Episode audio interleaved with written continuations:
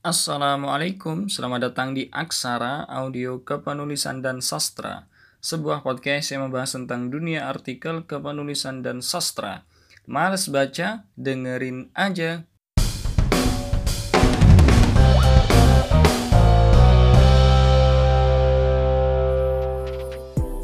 Masih bersama saya Dana Marbot. Di kesempatan kali ini kita akan bareng-bareng baca satu cerita pendek yang ditulis oleh salah satu mungkin bisa dikatakan uh, sastrawan muda, penulis juga, penulis di berbagai redaksi nasional yang mana sering tampil di beberapa talk show seperti itu di seminar mungkin yakni Irfan Afifi. Yang mana tulisan ini itu lebih lanjut disadur dari buku The Way of Sufi karangan Idris Shah ya yang terbit di ISF Publishing London tahun 2015 halaman 163 hingga 165. Secara singkat, cerpen ini bercerita tentang beberapa orang yang saling mempunyai keterbatasan, keterbatasan fisik dalam hal ini itu apa itu namanya saling berkomunikasi dan saling menjalin uh, hubungan ya komunikasi antar satu dengan yang lain tapi berkat uh, apa itu namanya kekurangan yang mereka miliki masing-masing ada uh, salah persepsi di sana ada salah persepsi antar satu dengan yang lain. Uh, antar satu dengan yang lain ini menerima pesan yang berbeda-beda. Ya karena apa? Karena kekurangan kekurangan fisiknya tadi.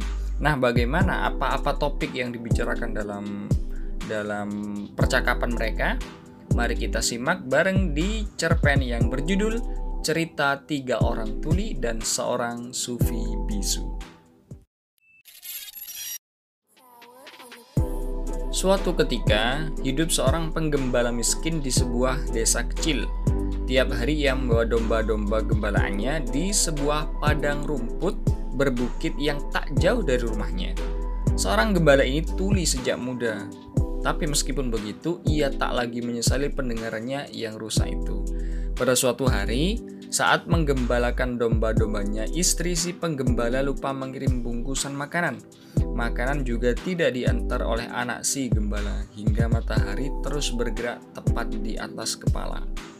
Aku akan pulang mengambilnya, pikir si penggembala ini. Ia tiba-tiba melihat seseorang tak seberapa jauh sedang memotong rumput di pinggir bukit. Ia menghampirinya dan berkata, "Saudaraku, tolong jaga domba-domba ini dan awasi jangan sampai ada yang berkeliaran hingga tersesat ya. Karena istriku ceroboh lupa mengirim makanan untukku. Aku harus pulang mengambil makanan. Aku akan kembali segera. Pemotong rumput tersebut ternyata juga tuli. Ia tak mendengar apa pun yang penggembala itu katakan. Ia juga tak paham maksudnya tapi ia berusaha menerka. Ia menjawab Mengapa aku harus memberimu rumput yang kupotong sendiri untuk hewan piaraanku? Aku di rumah punya seekor sapi dan dua ekor kambing. Aku pergi jauh-jauh ke sini untuk mencari makan untuk hewan-hewanku itu. Sudahlah, menjauhlah dariku. Aku tidak mau berurusan dengan orang sepertimu yang ingin mengambil milikku yang sedikit ini. Ia berkata begitu sembari menggerakkan tangannya. Penggembala yang tidak mendengar apa pun yang dikatakan perumput menjawab, Oh, terima kasih teman atas kesediaanmu. Aku akan sesegera mungkin kembali.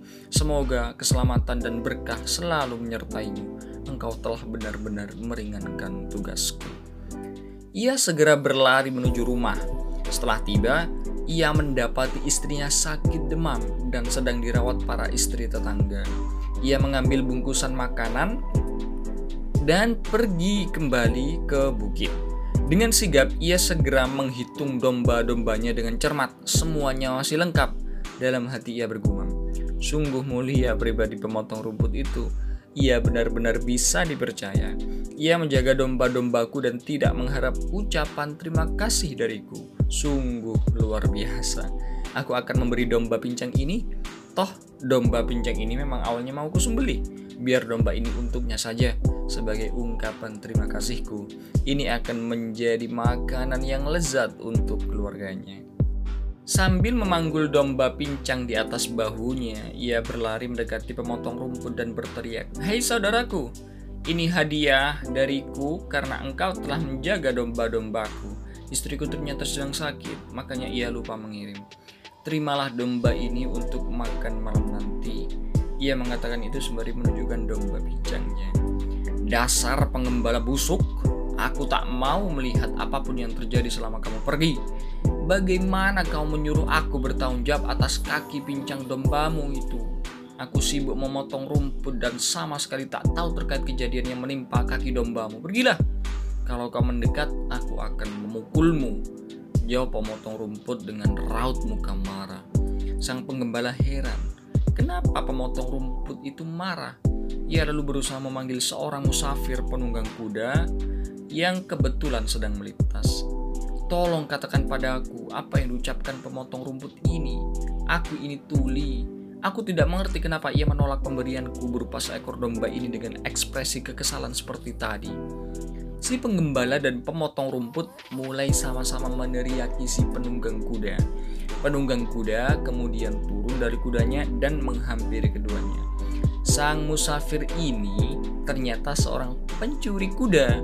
Ia juga tuli seperti penggembala kuda maupun pemotong rumput. Ia tak mendengar apa pun yang dikatakan keduanya.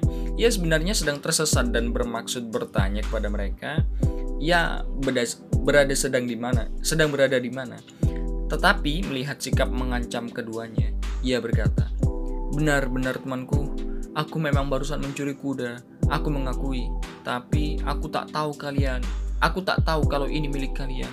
Maafkan aku karena mudah tergoda dan tak berpikir panjang." Aku tidak tahu apa-apa terhadap pincangnya domba ini teriak si pemotong rumput. Suruh ia katakan padaku, mengapa ia menolak pemberianku? Desak si penggembala. Aku hanya ingin memberikannya hadiah sebagai ucapan terima kasih. Aku mengaku mengambil kuda, ujar si pencuri. Tapi aku tuli dan aku tidak tahu siapa di antara kalian berdua pemilik kuda ini. Si ujar si pencuri selanjutnya. Pada saat itu, di kejauhan tampak seorang sufi tua sedang berjalan mendekat. Pemotong rumput segera menarik jubah sang darwis dan berkata, Tuan darwis yang mulia, aku orang tuli yang tak mengerti ujung pangkal apa yang dibicarakan kedua orang ini. Aku memohon kebijak kebijaksanaan Anda, adili dan jelaskan tentang apa yang mereka teriakkan masing-masing. Namun, si Darwis yang ternyata bisu itu tidak menjawab sepatah kata pun. Ia hanya memandangi dengan penuh selidik ketiga orang tuli yang sekarang mulai menghentikan teriakan, teriakannya masing-masing. Ia memandangi ketiganya dengan tatapan tajam, satu persatu, hingga mereka mulai muncul rasa tak enak. Mata hitam si Darwis menusuk tajam ke mata mereka bertiga secara bergantian seolah berusaha keras mencari petunjuk kebenaran dari situasi ini. Masing-masing orang tuli itu mulai takut dengan sorot mata si Darwis. Kalau-kalau ia akan menyihir mereka atau mengendalikan kemauan mereka, tiba-tiba si pencuri melompat ke punggung kudanya dan segera memacu lari kedua kudanya kencang-kencang. Begitu pula dengan si pengembala, segera menggiring gembalaannya menjauh ke sebelah bukit. Si pemotong rumput yang dari tadi tidak berani menatap mata si Darwis segera mengemasi hasil sabitan rumputnya ke dalam kantong dan mengangkatnya di bahu lalu berjalan menuruni bukit. Sang Darwis melanjutkan perjalanannya. Ia berpikir dalam hati. Memang kadang-kadang untayan kata-kata tak berfungsi apa-apa dan tidak terlalu berguna mungkin lebih baik orang tidak perlu banyak mengucapkannya.